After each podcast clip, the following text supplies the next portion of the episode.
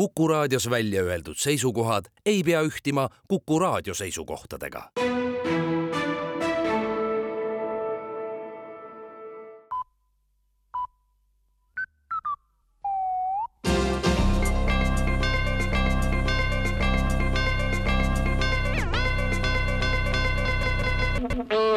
tere kuulama uudiseid stuudios Rohke Debelak siseministeerium annab teada, et kõikide päästeautode varustamine pika redeliga ei ole majanduslikult mõttekas. samas saab edukalt hooned kustutada ka ilma redelita. katsed näitavad, et ajafaktor on põlengu puhul oluline. kui piisavalt kaua oodata, siis on mõne aja pärast ka kõige uhkem pilvelõhkuja nii kõrge, et seda saab ka istudes kustutada ja redeli olemasolu päästeautol on vaid ajalooline tunnusdetail, mis tänapäeval enam reaalse eluga kokku ei käi ja rahandusest, kui Euroopa Keskpank peaks taas tõstma intresse ja see teeb laenajatele raha senisest veelgi märkimisväärselt kallimaks, siis Eesti kommertspangad on tulemas klientidele ühiselt vastu ja pakuvad alates uuest aastast intressilaenu, mis tähendab, et laenu soovijad saavad pangalt laenata ainult intressi, mitte lisaks veel ka laenu põhiosa. Laenusumma ja intressid üheskoos on liiga koormavad ainult intresside jaoks, aga peaks inimestel ikkagi raha olema, märgivad pangad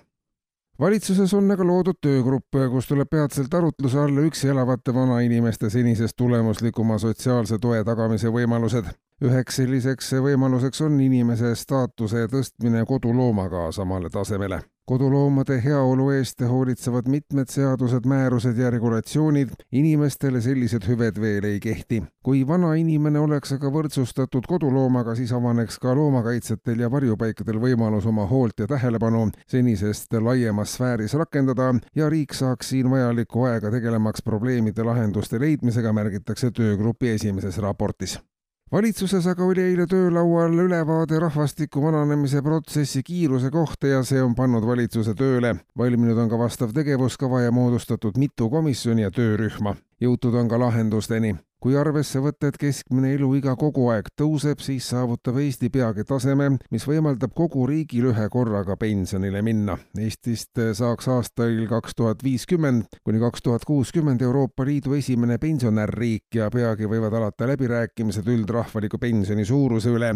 mille maksaksid meile Euroliidu teised riigid eestlased on rahvana tulnud läbi lugematute aastasadade ja arvestades arenguid, on selge, et eestlased tahavad nüüd pensionile jääda ja neil on selleks ka täielik õigus, lisab valitsus. kuna täpselt eestlaselt pidulikult pensionile saadetakse, on siiski lahtine ja selgub täpsemate järeluuringute teel ja lõpetuseks, valitsuses on töölaual naljaseaduse esialgne variant, mis peaks reguleerima nalja tegemist ja eeskätt naljast arusaamist üha sagenevad vahejuhtumid, kus keegi teeb omast arust nalja, teised sellest aru ei saa, arvavad, et ei ole nali ja tagajärjeks on suured arusaamatused. seadus reguleerib, kui mitu inimest peab naljast mitte aru saama, enne kui võib kindlalt väita, et see pole nali, vaid tegelikult on asi naljast kaugel. naljaseadus sätestab muuhulgas, et tulevikus ei tohi riigiametis töötada inimene, kes naljast aru ei saa, sest ilma naljata võib eelnõu autorite sõnul nii peatselt jõuda olukorrani, kus nalja enam ei ole valitsuse sõnul on naljaasi see seadus ka Riigikogus, kus viimasel ajal ainult nalja tehaksegi, kiiresti vastu võtta. kuulsite uudiseid.